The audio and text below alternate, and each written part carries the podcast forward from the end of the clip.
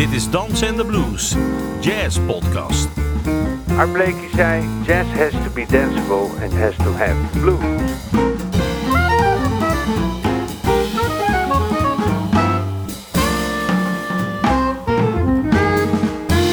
Je luistert naar een aflevering van Dansen en de Blues.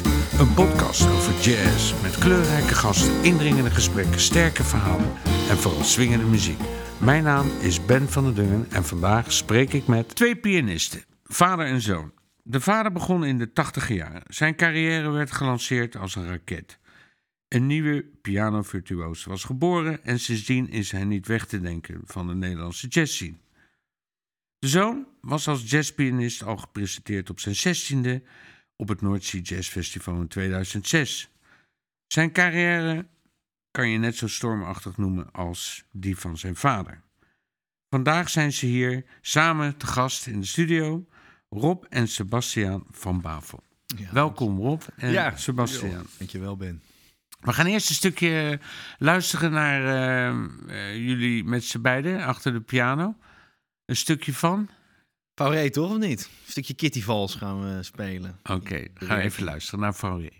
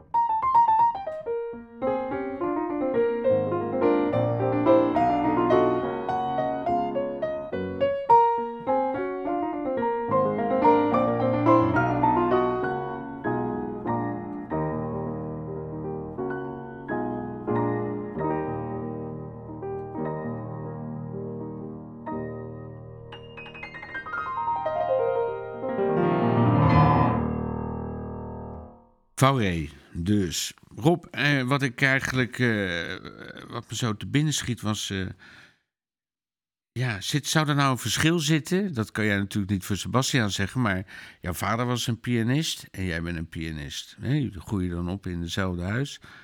En dat is eigenlijk later is die situatie eigenlijk precies hetzelfde. Denk je dat het een, eh, een andere situatie eh, eh, was voor jou dan voor je zoon? Eh, ja, in ieder geval qua stijl. Mijn, mijn vader was voornamelijk eh, klassiek. En eh, speelde ook best wel veel concerten en gaf veel les. Maar hij, thuis dan deed hij wel eens feestjes en dan speelde hij wel een soort stridepiano. Maar hij was, in het begin was hij eigenlijk een beetje tegen, op tegen dat ik jazz ging studeren. Dus Maar je deed het toch? ja, tuurlijk. Ja. Ja. In Villa Fermate heette Ja, dat. ja, ja. En jij, jij noemde hem altijd Baron Hart Verminderd. Dat weet ik nog wel. Nou, hij was nogal wel aanwezig eigenlijk. hè, Ja, zeker, Ja, ja. hij kwam altijd eh, langs en altijd natuurlijk Even altijd bemoeien met de repetities. Ja. Dat weet ik nog. Dus, wij, wij, wij repeteerden dan eh, met het octet boven, Ja, zeg maar. zolder. Ja, ja. En ja, hij had altijd wel op- en aanmerkingen. ja, ja. Maar jij trok er niet zoveel van aan, dacht ik eigenlijk. Nee, nee, ik, ik ben altijd gewoon een beetje mijn eigen gang gegaan. Ja, ja. Hij, vond eigenlijk pas, hij werd eigenlijk pas echt enthousiast eh, eh, tijdens mijn eindexamen. Toen kwam hij luisteren en toen dacht hij van, nou, er zijn toch wel een hoop mensen die, die het mooi vinden. Dus toen, toen was hij wel blij. Ja, Ja, dat was anders dan met je moeder. Hè? Die was natuurlijk eigenlijk... ja gewoon- was altijd fan. Ja, ja. ja, die was altijd Ja. een dikke fan, hè? ja, ja. Ja, dat was mooi. Nou, we gaan straks wel een stukje draaien van, het, eh, van dat octet, Oh, weet je wel, wat, dat, Ja. dat we repeteerden daar. Maar even die, diezelfde vraag aan jou, Sebastian. Hoe, hoe, bedoel, Nou ja, ik heb, nog, ik heb ook nog les gehad van, eh, van mijn opa, weet je wel. Dus, eh, klassiek les. Ja, dat ik Saint-Saëns speelde ik dan eh, van de Carnival des Animaux, voor zover mijn Frans dat toelaat. Maar de, de, ja, dan was ik aan het spelen en dan weet ik nog dat hij, dat hij dan... dan kwam hij daarnaast zitten en was best wel, hij was best wel intens. streng, hè? ja, en dat mijn oma dan zei: Ah, Kees, laat hem nou lekker een beetje spelen. Dan weet ik nog. Dus precies diezelfde relatie eigenlijk. Dat mijn oma was eigenlijk van alles eh, altijd fan. En die vond alles prachtig, ook als ik met hele esoterische muziek aankwam. En mijn opa is jong overleden, dus ik heb alleen eh, in het begin, het eerste twee jaar van mijn pianoonderwijs, heb ik hem meegemaakt. Maar dit is zeker meerdere van dit soort herinneringen. Ook samen met hem spelen. Ja, absoluut. Ben jij, ben jij eigenlijk een tegengestelde reactie? Hè? Rob die gaat dan eh, gewoon toch gewoon jazz spelen. En jij gaat dan op een gegeven moment eh, klassiek spelen. Ja, ja, ja, ja, ja. Ja, natuurlijk eerst eigenlijk heel tijd jazz eh, altijd gespeeld en, en verkozen. En, en eigenlijk tegen, een beetje tegen klassieke muziek. Ehm, ja, misschien ja, toch eigenlijk een soort omgedraaide beweging, maar toch hetzelfde. Dat je je dan op een bepaalde manier af, nou, niet afzet tegen je ouders, maar toch denkt van ja, het moet toch anders of zo, weet je. Ja, dat moet toch ik wil toch moment- anders spelen of het moet toch anders klinken. En dan, ik moest dan weer terug naar klassieke muziek of zo. Weet je. Ja, er moet toch op een gegeven moment eh, een, een soort eh, klassieke vadermoord eigenlijk komen. Ja, de klassieke vadermoord. Ja. nou ja, dat moet je niet, niet letterlijk nemen. Nee, maar eh, Nee, nee, nee, nee, nee, nee, nee. hè, maar je Ja. gaat dan toch een andere kant op. Ja, Maar nu is het weer, eh, ja, nu is het al, al komt alles bij elkaar. dit uh, Quatre zo klassiek en jazz eh, door elkaar. ja. Met alle Ko- piano is historie. Ja, is Is toch allemaal. Ja, ja, ja, zeker. Maar als ik naar jullie luister Zeker. en eh, ik ken jullie eigenlijk allebei eh, eh, vrij goed, vind ik het wel dat het twee totaal verschillende pianisten zijn. ja, Hoe zou je dat zelf omschrijven, Rob? Ja, dat is alleen maar goed natuurlijk. Hè. Eh, het is ook wel... ja, in het begin heb ik natuurlijk zoveel mogelijk eh, ja, alle stukken en materiaal aangedragen. Maar Sebastian is op een gegeven moment natuurlijk echt zijn eigen weg gegaan. En eh, ja, hij speelt ook veel beter klassiek dan ik. En hij weet van alles van Indiaanse muziek waar ik helemaal niks van af weet. Dus eh, wat dat betreft gewoon een hele andere route. Ja. Maar ik heb het ook een beetje over de, de, zeg maar de inhoudelijke kant. Hè? Dus niet alleen klassiek en jazz en weet ik veel wat, maar ja, als ik, eh, als ik toch naar, naar, naar jou luister, zo eh, in, in, eh, in, in je speelstijl, is dat een, een, ja, een, het gaat zeg maar niet in de eerste instantie gelijk over de hot jazz, om het zo maar te zeggen. En ja. Er zit een, een, een moderne kant aan, en, als je dat modern kan noemen, of een soort, soort es- esoterische kant aan. Ja, weet je ja. wel. de- Nou, nou vind ik, denk ik wel dat, zeg maar, hoe moet ik het zeggen? Ik bedoel, ook daar, ehm, aan de ene kant is het wel, moet ik zeggen, afwijkend, denk ik, ten opzichte van wat mijn vader, zeg maar, hoe die speelt en- en denkt. Maar anderzijds is het ook het voortborduren op, want, want eh, ja, weet je wel, hij heeft ook bijvoorbeeld met Henry Bok heeft hij, schrijft hij een, heeft hij een soort concert geschreven voor symfonieorkest en piano en, en basklarinet. Dus hij heeft ook allerlei dit soort, dit soort uitstapjes en dit soort dingen natuurlijk gemaakt. Veel fusion, heel divers Ja, ja, altijd fusion gespeeld. Ja, ja. Weet je, heel divers altijd gespeeld. Ik denk dat in die zin, ehm, ja, is het, he- is het in die zin niet zo heel raar dat, dat ik deze dingen ben gaan doen. Eh, het verschil misschien alleen dat ik, omdat ik dus begonnen ben als, zeg maar, als, als jazzpianist. En dat ik, eigenlijk mijn pa is natuurlijk eigenlijk begonnen als klassiek pianist. En in eerste instantie veel beter en heavier klassiek spelen, zeg maar, dan dat ik in mijn jeugd, eh, omdat ik altijd veel naar jazz wilde. En dus ook gebrekkige Bach speelde. Dat weet ik nog dat dat allemaal moeizaam was en dat ik dat niet wilde. Ehm, maar dat ik toen, zeg maar, waar mijn pa later zo, ja, toch zo rond je einde van je middelbare school en dan het begin van zo heel veel studeren. En dan helemaal, als ik die opnames van mijn pa, dat hij 17, 18 is, dan, eh, dan hoef je daar niet heel veel eh, van te vinden en te zeggen dat dat waanzinnig briljant is. Maar dan hoor je hem drie jaar later en dan is het helemaal het einde. Met de big band eh, van Codarts, eh, van met Alp heb ik die opnames natuurlijk. En, en daar, daar denk ik van, daar heb ik dan in die periode ben ik juist heel erg klassiek gaan oefenen. En dat na een paar jaar dat een soort van, dat ik op mijn zestiende eigenlijk geen reten van kon. En dat je dan op je twintigste, ja, dat ik toen klassieke opnames en concours ook won en dergelijke. En dat je daar die verdiepingsslag, dus Ja, een eh, soort eh, andersom gedaan. En vind je eigenlijk ook dat die met, door die klassieke eh, achtergrond, hè, door die interesse, als je dat combineert zeg maar, met, met de complexiteit van, van zeg maar de, de, de muziek waar je toen mee bezig was. Dat is toch gewoon, zit daar een relatie tussen dat je gewoon denkt van ja, een beetje, weet je wel, vier in de maat heb ik eigenlijk geen zin in. Het moet allemaal vrij ingewikkeld en eh, allemaal rare maatsoorten. En enorm gerepeteerd eigenlijk voor Ja. een, eh, voor, met een ensemble. Terwijl je kijkt eh, hè, in de zin van, van, van jazzmuziek, dan ja, je spreekt, oh, je spreekt gewoon een route af en een stuk en that's it.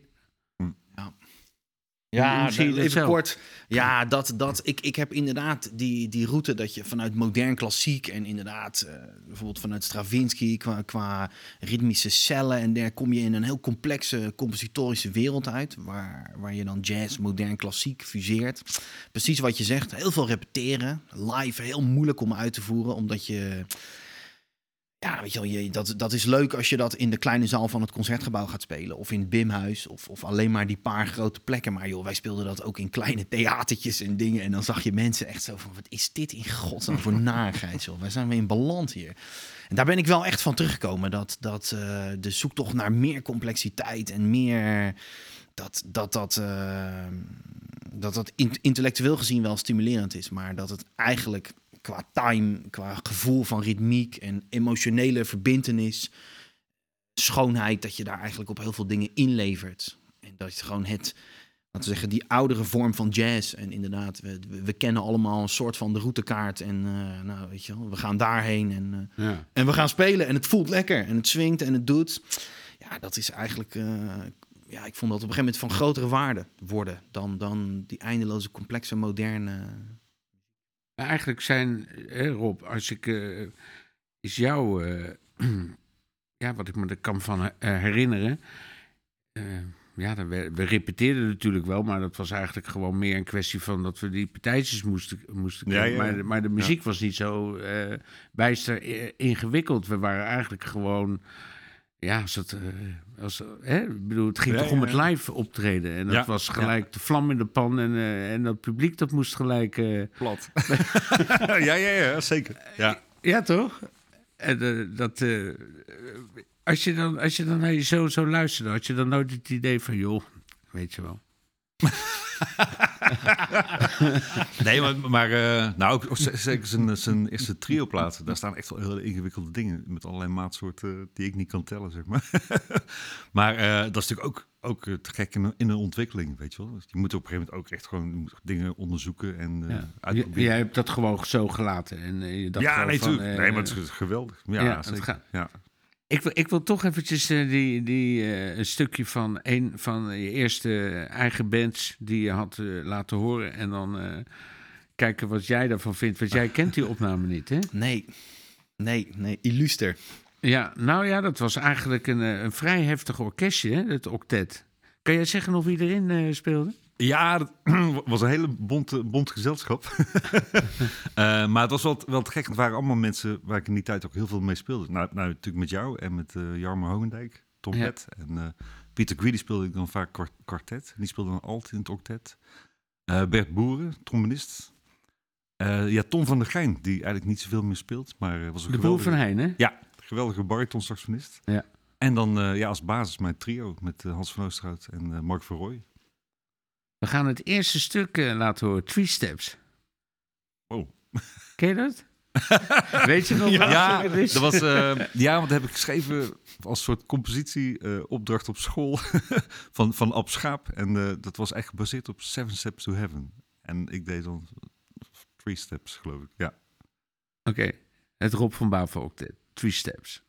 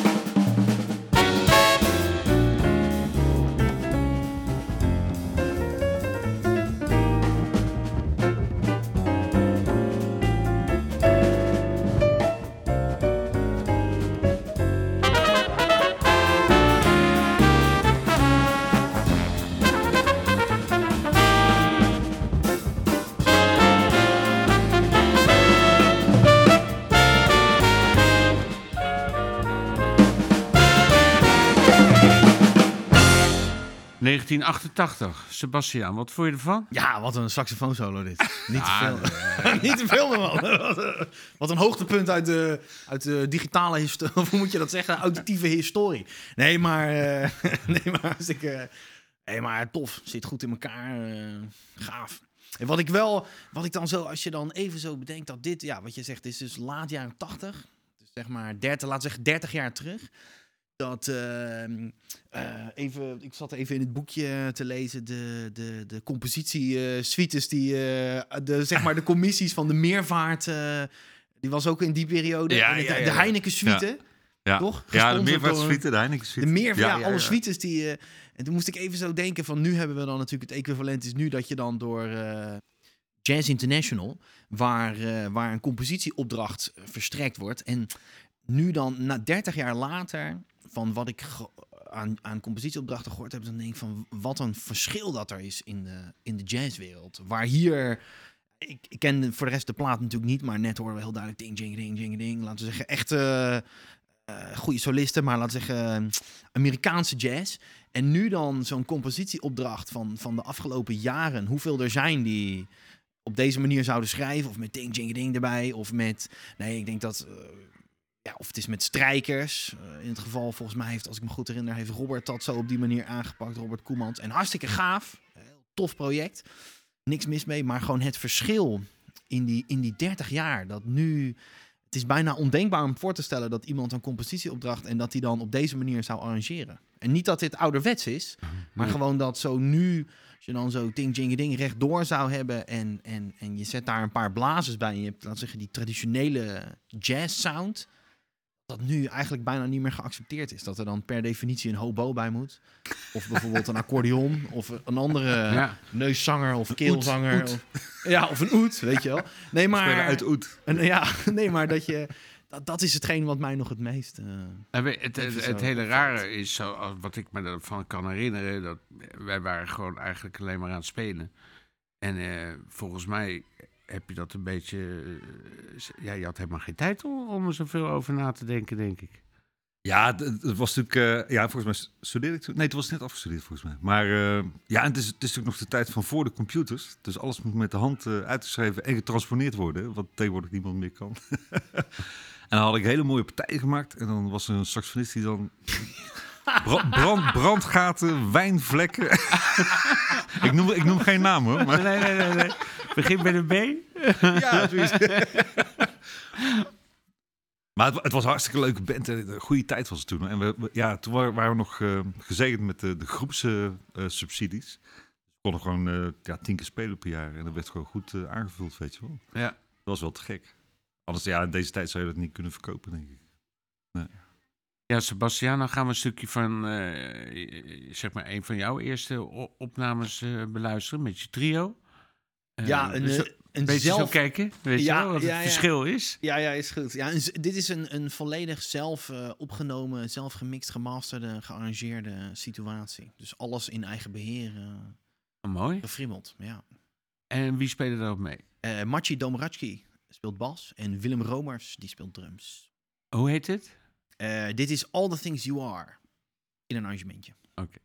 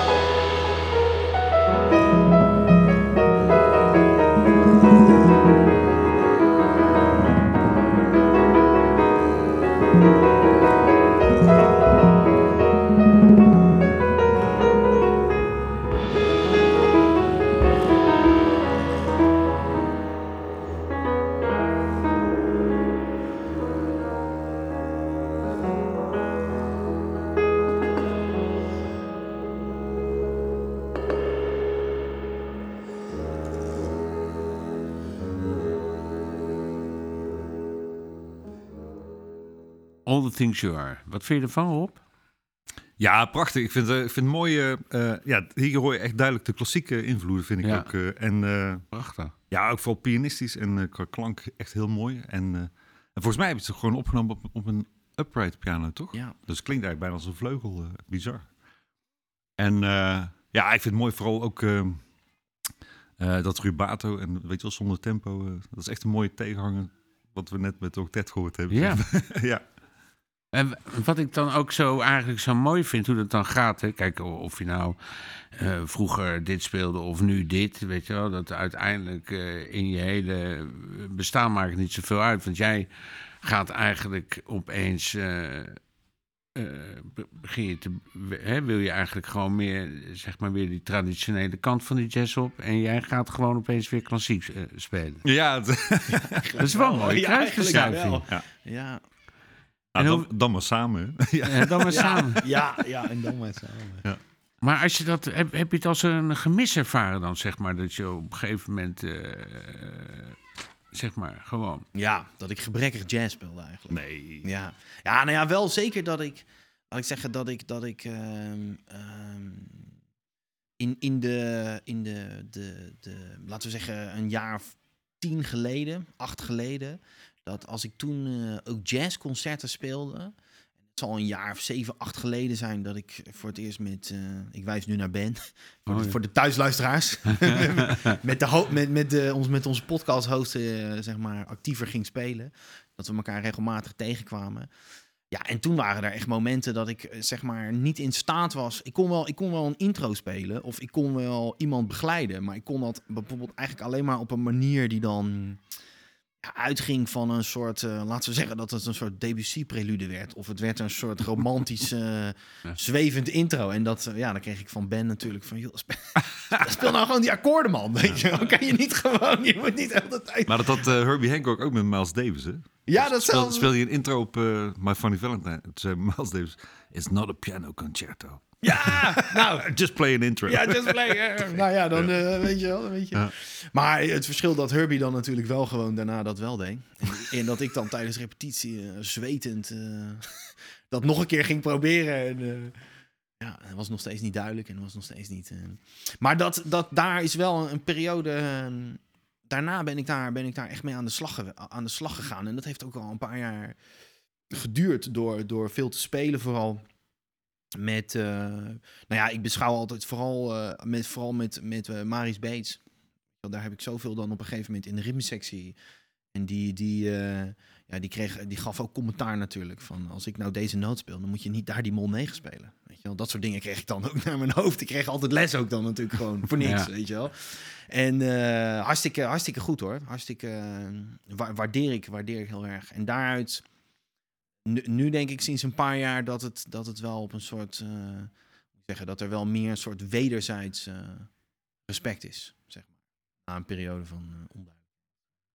Ja, als ik naar jouw carrière kijk, Rob, dan, dan heb je eigenlijk, zeg maar, qua muzikale achtergrond of, of, of ro- rode draad, is dat eigenlijk een vrij stabiel, zeg maar, rechtlijnig. je hebt wel uitstapjes gemaakt, maar. Hè, het, het, het, het bleef altijd Rob van Bavel. Je, je, je bent niet opeens, zeg maar, eh, eh, je hebt je niet laten, zeg maar, beïnvloeden. Ja, of, ik- of hoe, Ja, ik, denk dat om de... toch in die tijd werd gewoon echt gewoon heel veel ook gewoon in vieren en straight ahead jazz gespeeld, weet je wel. En eh, dat is eigenlijk wel een beetje, ja, toch wel de rode draad geworden. Gewoon, zeg maar, de swingende Amerikaanse jazz met blues en... Ja. ja. Maar nu geef je les aan al die jonge gasten die, Ja. die, die, die ja, met Die allerlei moeilijke maatsoorten... maatsoorten 9-11 en eh, allerlei narigheid. ja. En hoe doe je dat dan? Nee, nee, maar, maar ik bedoel, eh, nou, er zitten natuurlijk ontzettend goede spelers tussen en, talenten. Maar ik probeer ze natuurlijk altijd wel een beetje ook mee te geven, gewoon de traditie en het repertoire van de American Songbook. Eh, maar ja, natuurlijk, op een gegeven moment als ze een master gaan studeren, dan mogen ze doen wat ze willen. En dan komen ze met eigen stukken en dan moet ik meespelen. ah, dat is wel eh, pittig. Ja, ja dat kan ik me wel voorstellen. Ik heb hier ook een eh, cd'tje waar jij eh, samen met je zoon op speelt. En dan speel jij basgitaar. Oh ja. Dit is wel, even moet ik even van tevoren natuurlijk aankondigen. Dit is natuurlijk een, eh, een laat zeggen, nou, goed, goed opgenomen door Sebastian Cornelissen. Een goede drummer ook. Ja, ja. Eh, maar dit, is natuurlijk, eh, dit zijn de eerste stappen. Dus we moeten hier niet, eh, Nee, maar ik vind het wel niet leuk later om... op eh, afrekenen. Weet je wel. hoe oud was je toen? 12. Twaalf jaar. 12 jaar. Ongelooflijk. Ja. Ja, en ik had die, die basgitaar gekocht om, eh dan konden we in de huiskamer een beetje jammen. Dus hij op de, Ja. op de oude piano van mijn ouders. Ja, ja. ja. Ja, dat was eigenlijk hartstikke leuk. Hè? Ja, zeker weten. Zeker weten. Ik ben, geen, eh, ben verder niet doorgegaan met basgitaar. Maar er zit Nee? ook een bassolo in. Gelukkig ook. maar. Ja, gelukkig maar. Maar er zit een bassolo bij zo. Nee, meteen. dat meen je niet. Ja, bereid je maar voor. Dan komt zo meteen die basgitaar. Nou, eh, Vanaf nu gaan we naar luisteren, Sebastian? Doxy. Gaan we naar Doxy? luisteren Oké. Doxy even.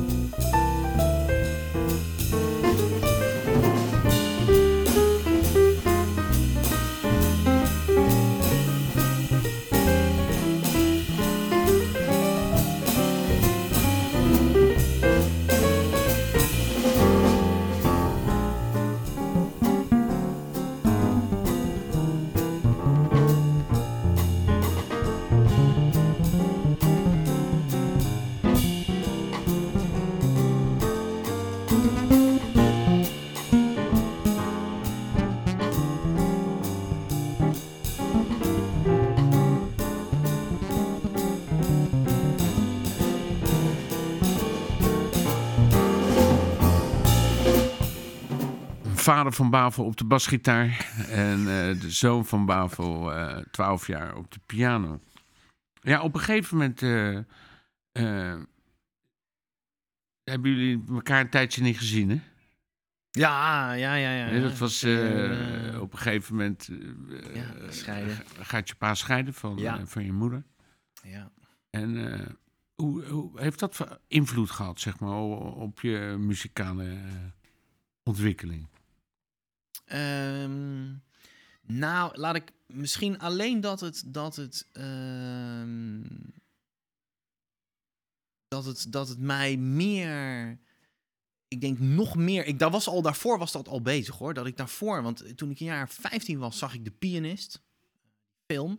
En daar is zo'n credit scene waar, waar hij. Van Chopin speelt hij dan. eh, met orkest speelt hij dan de Opus 22, die Polonaise.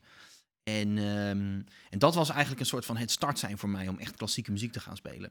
En ik denk dat na die scheiding dat ik eh, zoiets had helemaal van. eh, toen was er ook echt een periode dat ik dacht, oké, nu word ik klassiek pianist. Hup, weg ermee. die Ja, jazz. weg met die jazz. Dat was denk ik wel een beweging, maar dat heeft maar een jaar, anderhalf jaar geduurd. En ik heb daarnaast altijd wel, ehm, zeg maar, heb ik wel altijd jazz gespeeld nog. Ik speelde toen veel met, eh, met Remy Troost en, en ook met Machi, we net op die opname hoorden. Dus we hadden ook concertjes en dingen. Maar ik heb ook, ik heb ook klassiek toelating gedaan. Ja, en toen uiteindelijk toch eh, voor de jazz eh, gegaan. Hoe, hoe, hoe lang hebben jullie Ja. elkaar niet gezien, Rob? Eh, In die tijd? Eh, oeh, precies, precies, dat weet ik niet. Nee, ik denk drie jaar zoiets. En eh, Ja. hoe, hoe is die eerste toenadering eh, gekomen? Dat jullie zeg maar elkaar weer, eh, eh, zeg maar, weer tegenkwamen en dachten van, nou ja, het moet maar afgelopen Ja. zijn. We gaan gewoon eh, gezellig muziek maken. Ja, dat weet ik ook niet meer. Ja. Is dat een natuurlijk proces geweest? ja, nee, dat was. Ik, ik ben op een gegeven moment. Want ik ben ook degene geweest die op een gegeven moment. Weet je wel, een streep er doorheen Hmm. heeft gezet. Ja, door die scheiding natuurlijk. En, ehm, en daarna ben ik ook degene geweest die gezegd heeft: van oké, nu is het wat mij betreft. eh, ik heb het lang genoeg volgehouden, dit. Weet je wel, dit werkt voor mij ook niet. Kunnen we weer. eh, nou, toen zijn we eigenlijk. eh, Hmm. ben ik langsgekomen, zijn we gaan eten. Eigenlijk vanaf dat moment. eh, hebben we de boel weer opgepakt. Ja, wat mij ja, betreft in ja. ieder geval. Wat mij betreft. En het idee van het samenspelen, is dat zo langzamerhand gegroeid dan? Ja, we- zijn eerst begonnen als eh, ehm, een duo twee vleugels. Hè? En eh, eigenlijk volgens mij was het wel de leuke aanleiding dat eh, Sebastian had toen een Edison gekregen voor zijn eh, eerste trioplaat. Wauw. En ik had dan Edison eh, 300 jaar geleden, zeg maar. En dus toen waren we het Edison duo. Ja. En toen hebben we best wel veel gespeeld met Ja. twee vleugels. Ja, dat is eigenlijk wel weer, daar is het eigenlijk wel weer begonnen. Hè? Ja. Ja. Nou ja, misschien nog... Niet als bassist hoor. Dat, Nee, nee, nee, nee, nee. Nee. Maar misschien nog, en nog daarvoor misschien al... Dat, ja, want ik heb natuurlijk ook, ook tijdens het conservatorium, zeker in Rotterdam, studeerde ik ook. Bij mijn pa. Ja, ja, En in. Amsterdam Ja, ook, maar, ja. maar dat is wat later natuurlijk. Ja. Maar, maar zeker in Rotterdam, ja, toen was ook natuurlijk heel veel spelen gewoon, weet je wel. Heel veel daar, twee vleugels spelen. Ja, op de nieuwjaarsborrel ehm, ja, begon het allemaal inderdaad. De, de, de eerste keer dat we, ehm, dat we zeg maar in een concertsituatie, mijn pa had een stuk geschreven, 5, 6, 7, 8. En, eh, en vervolgens had ik daar een tweede pianopartij bij geschreven. En dat was eh, de eerste, laten we zeggen, uitvoering als het ware van. ehm, en daarvoor ook wel in situaties dat. eh, ik weet nog dat, dat bijvoorbeeld. speelde, speelde mijn pa, die speelde solo in, het, in dat klooster in Amsterdam. Dat Be Betanië. Oh ja, Bete- Betania Be- Klooster. ja, maar toen die ja. solo piano, nou, dan kwam ik daar ook een stuk meespelen bijvoorbeeld. Ja, dat soort dingetjes gebeurden wel. Maar dit was een soort van het start zijn eh, voor, eh, voor iets meer. En dat Voor duo, zal, ja. dat zal in Ja. 2000 2014 of 15, ik denk 14, Ja, zou kunnen. eind ja. 14. Ja. Maar als je nou speelt dan, eh, hè, Rob, heb je, heb je zeg je dan wel eens tegen jezelf zo van, eh, ja, dat zou ik toch niet doen. Ik zou dit even doen of, eh, of andersom, weet je wel. Ik bedoel, eh, geef je hem wel eens op zijn lazen of kijk je Nee. zelf weer zo. nou ja, Nou, nee, maar het is ook wel zo dat ehm, eh, het laatste project, de eh dat zijn natuurlijk allemaal klassieke stukken uitgekozen door Sebastian. En ook eigen stukken van Sebastian. En daar heeft, heeft hij wel dingen, opmerkingen van, nou, qua uitvoering moeten we dit doen, qua dynamiek en qua tempo en dat soort dingen. Dus eh, nou luister ik naar hem natuurlijk. Ja. Ja, ja, dat beaam ik. ja. Maar wel, het gaat wel. Het, het, weet je wel, het is ni- niet zo, denk ik van, nou, nou, hoop ik in ieder geval. Kijk, sommige momenten ben ik wel dat ik dan vrij dwingend ben. Van, eh, ik denk echt dat dit zo moet. Maar meestal, eigenlijk bijna alles gaat altijd in een soort overleg. Van, ja, oh, natuurlijk. ik ja. denk dat dit beter zou zijn. Wat vind jij? En ook andersom hoor, dat mijn pa met ideeën komt. Ook, ook in. in eh, eh, ik weet niet, ik kan niet een specifiek voorbeeld, maar de afgelopen plaat zijn er legio momenten geweest van, oh, misschien dan moeten we dit even zo doen, of misschien Mm. moeten we daar even Ja, wachten, of zullen ja. we het zo aanpakken, of zullen we zo? En dat gaat, dat gaat de hele tijd Ja, gaat heel, eh, ja. Gaat Maar heel weet je, wat ik, werken. weet je wat ik mooi vind? Hè? Als ik, ik, ik ken jullie allebei. Ik, ik, ik vind Rob eigenlijk best wel naar binnen gericht hè, in zijn karakter. En, en jij naar buiten gericht. Maar in de muziek vind ik dan weer Rob, vind ik eigenlijk gewoon een soort explosie. Die is echt heel erg naar buiten gericht. Hè? Ik bedoel, qua energie. ja, ja, en, ja, ja, en, ja. en jij eigenlijk dan weer net de andere kant op van, Ja. van nature. Is dat een gekke analyse? Of, of hoe zie je dat zelf? Oh, Aan jou de eer. ja, nee, nee, nou ja, qua karakter ben ik natuurlijk eh, gewoon een verlegen Brabander, zeg maar. maar op het podium dan eh, vergeet ik dat, zeg maar. En dan probeer ik, ja, dan ga je gewoon voor de muziek. En dan ga je gewoon eh, los, weet je wel. Ja, zeker. En jij? Eh, ik denk dat het bij mij ook zeg maar dat dat, dat, ehm, dat, dat dan weer die, laten we zeggen, die klassieke of Indiaanse invloed is. Dat, eh, dat zeg maar het idee van verstilling in muziek, dat dat misschien bij mij, dat het daardoor meer naar binnen gericht is. Want ik had vroeger ook wel, ik was helemaal, als eh, zeg maar 14, 15 jaar, ik was helemaal idolaat van Joey Calderazzo, Oh ja, ja. Tonio Faro en Kenny Garrett. En ik was helemaal in die hoek. Nou, die power. Herbie eh, die Loos. ja, dus ik, wij speelden altijd eh, ook weer met hem op die basgitaar. Gingen we dan eh minor blues en eh ding, ding, ding, ding, ding. Gingen we dan spelen. En dan was het altijd alleen maar het doel om zoveel mogelijk noten. En zo, eh, zoveel mogelijk chaos te creëren. En dat ging best goed eigenlijk, die chaos. Weet je. Daar was ik vrij sterk in. En dan jaren daarna eh, ben ik, eh, weet je wel, is het eh, meer de, het meditatieve aspect. Eh. Ah, dat heb ik nou met de ballads, hè, natuurlijk. Ja, dat is waar. Ja, dat is waar. Dat is waar. Dat is De waar. ballad man, hè. Ja. Dat is natuurlijk eh, nu als, eh, als 50-plusser, ja, dan treedt er een automatisch ja, eh, verdieping te vertreedt. En Maar jij geeft zelf les en eh, Rob, jij geeft ook les. Hoe, hoe, eh, hoe, hoe doe jij dat eigenlijk als je les geeft? Wat is zeg maar je, je meest belangrijke eh, wat je eigenlijk wil overbrengen? Nou geef jij veel kinderen les natuurlijk. Ja. Hè? Maar ik moet zeggen dat eigenlijk heel veel dingen, als het gaat bijvoorbeeld om jazz, onderwijs. Nou, ik doe eigenlijk bijna altijd dezelfde dingen die mijn pa met mij deed. Dus altijd van, oké, je moet alles transponeren.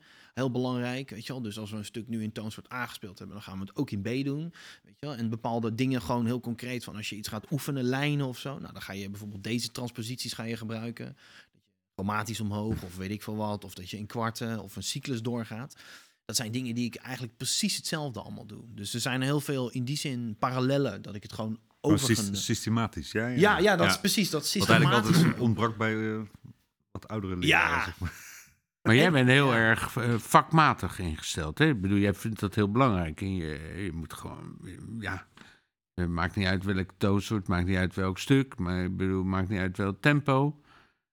Hè? Bedoel, Je kan Ja. je niet, eh, je kan je niet Ja. zeg maar, met een mooi lulverhaal zeg maar, eruit redden. Ja, ik, ik denk dat ook gewoon komt uit, uit, eh, ervaring. Gewoon. Ja, ik heb natuurlijk altijd als eh, begeleider met zoveel verschillende mensen gespeeld. En met, eh, met, met zangeressen en zo. Dus dan ja, moet je gewoon toch soort van beroepsmatig moet je alles kunnen transponeren. En elk gewenste toonsoort, maatsoort. eh, ja. Ja. ja. Ik had de afgelopen woensdag, eh, was het ook wel weer spannend, een concertje eh, met Steve Nelson, een vibrafonist. En die, die zei niet eens wat hij ging spelen. Dus dan begint gewoon een intro en dan maar hopen dat je ze allemaal kent, weet je wel. Nou, gelukkig had ik, had ik ze allemaal goed. en jij, Sebastian, qua vakmatigheid en je lesgeven? Ik denk dat in zo'n situatie als wat ik net hoorde, dat ik dan zo spelen op zo'n moment. Ik heb dat met Steve Grossman ook wel meegemaakt, maar ehm, nu zou ik, dat, zou ik dat beter doen. Maar dat is toch, dat is, we zeggen, dat is een verschil. Ik zou ze dan niet allemaal weten. Ik zou me dan wel er doorheen kunnen bluffen op basis van andere stukken en dingen en zo. Dus daar kom ik wel een eind. En ik ben natuurlijk de moderne generatie, hè? dus ik heb een iPad. Ha! Dus, eh, ik bedoel, eh, dus ik, ben, ik ben onfeilbaar, joh, weet je wel. Ik heb even misschien 15 seconden nodig om... Ja, eh, ja, je hebt zeker ook zo'n iReal Pro app. Nee, maar met- ik heb, nee, ik heb nog, nee, ja, ik heb ja. nog veel beter, joh. Want ik heb gewoon, ik heb gewoon alle songbooks, alle reelbooks. Ik heb alles. Dus als Steve Nelson dan iets roept of roept het niet, joh, dan kan ik ook nog de verse spelen. Dan zal ik hem even pakken aan, dan zal ik hem even pakken aan het einde, die Steve Nelson, eh, weet je wel, met hele illustre... eh. Ik had, ik, had, het- ik had een tijdje geleden, toen, toen zei een zangeres, eh, die zei van... ja, ik wil, ik wil dan dat stuk doen. Ik zei, ja, dat, dat ken ik dus volgens mij niet. Zei ze, maar heb je niet de iReal Pro eh, app? Ik zei, nee, I'm a real pro. Ja, ja. Kijk, ja, dit is, eh, dit is heel... Kijk, in zo'n situatie... Nee, maar in zo'n situatie, dan zou ik dan zeggen, ja, ik heb het songboek hier. tada. En wil je de verse ook doen? Zeg ik dan ook tegen zangeressen. Ken je de verse ook? En dan is het leuk als zangeressen dan zeggen, er zit er een verse bij? Dan zeg ik, ja, moet je kijken. Weet je wel? Ik heb hier zelfs een tekst. Zal ik hem even voorzingen? Ja, dan weet je wel, even om even duidelijk te maken wie hier nou... Wie de degene- baas is. Wie nou wel verstand van zaken heeft. Weet je wel? Ja. Hey, wat jouw grote voorbeeld is Oscar Peterson, hè? Dat is eigenlijk zeg maar de, een van Dat is de- wel ja, begonnen, ja zeker. Daar is ja, mee begonnen. Ja. Ja, maar- en, en, en, jouw, en jouw, zeg maar, belangrijke... Ehm, ja, dan zou ik zeggen Herbie Hancock en Bill Evans. kan je daarin vinden ook? Ja, zeker. Nou, nou, sowieso eigenlijk de afgelopen twintig jaar ben ik eh, eigenlijk meest naar Bill Evans aan het luisteren. Ja, dat is nou echt wel mijn grote voorbeeld. Maar mijn eerste twee, komt volgens mij ook omdat de eerste twee platen die ik kocht vroeger, eh, was een van Oscar Peterson en een van Herbie Hancock. en dat is eigenlijk altijd zo gebleven.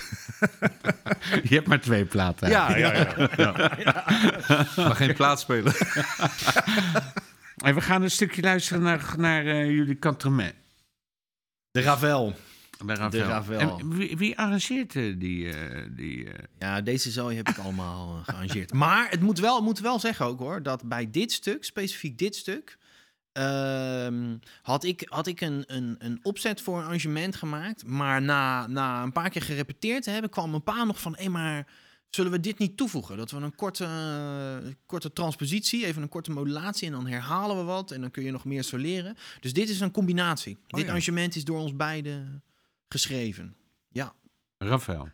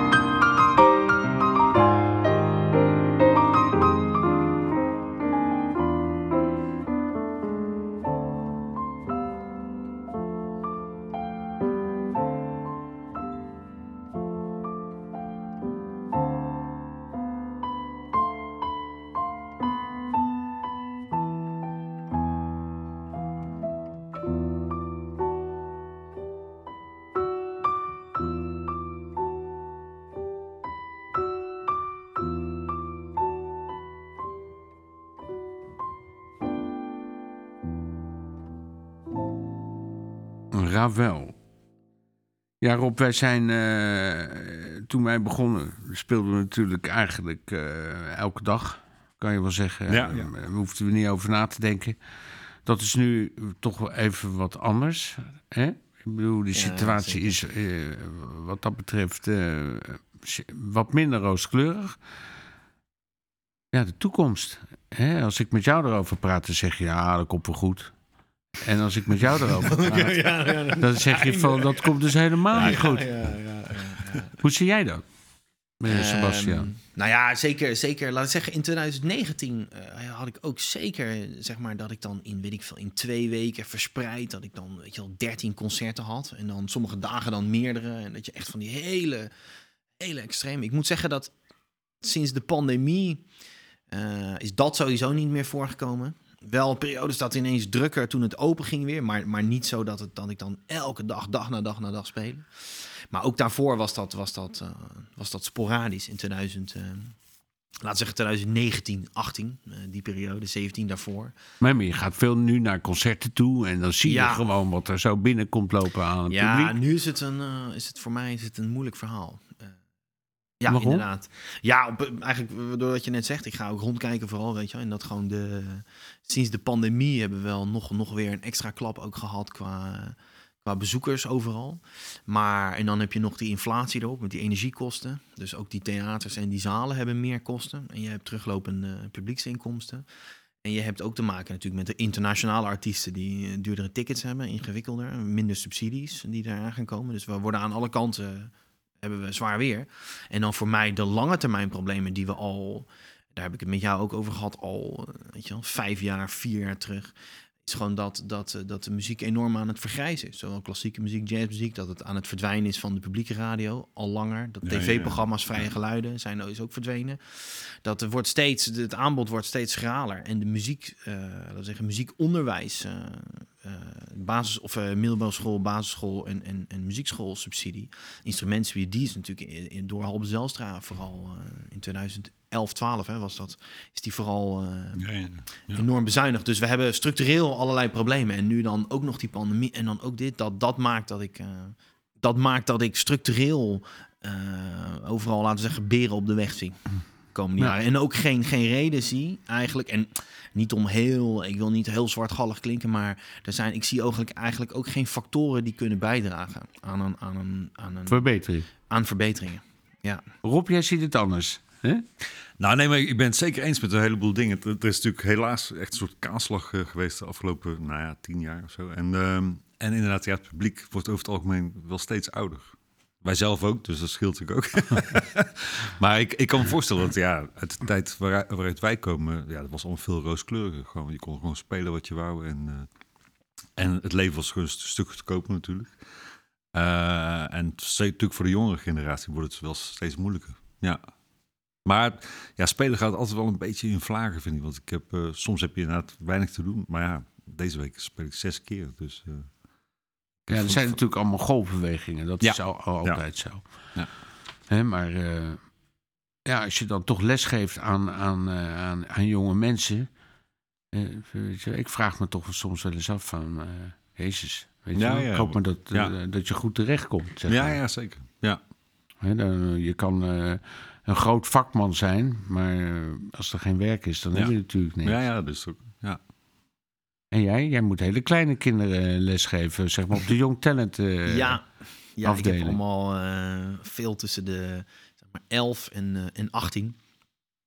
En daar, ik, ik probeer meer nog dat, ehm, hoe moet ik het zeggen? Ik ben wel heel erg extreem in de zin van als ze in de vijfde of in de zesde zitten en ze gaan vijf HAVO of zes VWO gaan ze afstuderen, dan heb ik altijd wel een gesprek met ze. Eh, zeg maar een individueel gesprek waar, waarin ik echt wel duidelijk aangeef van joh, als jij het he- echt denkt dat je dit moet doen, dan heb je absoluut mijn zegen. Dan moet je dat doen. Weet je wel? Maar als jij twijfelt of iets, of je weet het niet zeker, dan zeg ik van dan moet je gelijk iets anders gaan doen. Zo ben ik wel. Dat ik ze niet Hmm. Dat is een harde boodschap. allemaal aanmoedigen om eh, ja, eigenlijk weer terug zoals eh, heel veel ouders vroeger hun kinderen toegesproken Ja, ja, hebben. Van, ga Ja. geen conservatorium doen, weet je wel. Trouwens wel frappant dat, dat nu echt heel veel eh, studenten ook een tweede studie erbij doen. Dat is echt, echt niet Ja, te geloven. ja. In Amsterdam zijn echt vijf, zes pianisten die eh, wiskunde studeren. En Ja. computer science, eh, weet ik toch niet. Ja, en, en dan ook nog goed spelen. Dat is al Ja. wat. Ja. Ja, maar dat is het, in principe het niveau is natuurlijk kwalitatief heel, is heel heel, hoog. hoog. Ja. En ik bedoel, er zijn heel veel capabele spelers. En onder studenten ook zeker. eh, Ik, val ook in voor mijn pa in Amsterdam dan. Ja, en ook in Den Haag, weet je wel. Ze zijn echt wel goede, ja. goede pianisten. Ja, het niveau eh, is echt, eh, echt heel hoog geworden de laatste jaren. Ja, Ja, zeker. maar dat wil niet zeggen dat dat, dat hoge niveau ook doorvertaalt naar een, Ja. eh, Van kunnen zeggen, leven. Ja, dat- zeker. een, een kansrijke arbeidspositie op lange termijn vooral. Dat is denk ik hetgeen waar het, eh, waar het om gaat. Dat, je, dat het heel moeilijk is om te denken. Weet je, want ik, ben, ik geef nou 15 jaar les, vanaf mijn 14e. En, eh, en, en ja, van alles en wat eh, gedaan. En dat ik denk van, oh, dit ga ik dan dus nog 40 jaar nu doen. Zo moet ik denken. van, ik ga nog 35 jaar ga ik nog, ga ik nog lesgeven. tegen die tijd is eh, waarschijnlijk AOW op je 90 Ja, Dus ja. ik denk nog dat je nog langer Ik denk dat ik nog wel 45 jaar aan de bak ga, weet je wel. Ja, en dan is het moeilijk om voor te stellen dat je dan, dat je dan tegen die tijd nog steeds, eh, weet je wel, stompen on the Savoy. lekker Ja, lekker maar- gaat spelen. Ja, maar kijk, het verschil natuurlijk tussen jou op en, en, en jou, Sebastiaan, is eh, als je dat. Je bent eigenlijk vrij omzonnen, zeg maar, in je carrière begonnen. En dat, eh, voordat je het wist, eh, ben je 30 jaar verder. Ja, ja. Je hebt er Ja. niet over na hoeven denken. Maar dat moet jij nu wel. Ik moet zeggen, de eerste eh, vanaf zeg maar 2010 tot en met 2019 had ik dat ook redelijk, vond ik eigenlijk zelf. Want ik bedoel, ik heb altijd met iedereen en alles ook veel, ook als begeleider in allerlei projecten, dingen. Tournees, ga zo maar door. En natuurlijk prijzen, de, de hele rambam. Het is eigenlijk vooral sinds de pandemie natuurlijk dat er Hmm. eh, wel een kenter, een kenterpunt is. We gaan het laatste stukje eh, laten horen. Jullie gaan een stuk spelen, blues. Ja, klassieker hè? Ja, van Monk. Ja, van Monk Straight No Chaser.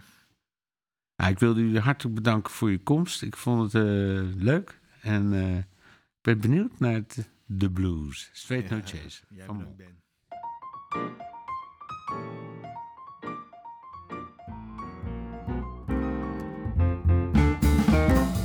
Dit was Dansen en de Blues. Een podcast over jazz door Ben van der Dungen, Thijs Nissen en Tom Ridderbeeks. Abonneer je snel en laat een goede waardering achter. Wil je meer weten? Kijk dan op dansenendeblues.nl en volg ons op Instagram en Facebook. Dankjewel voor het luisteren en tot de volgende keer.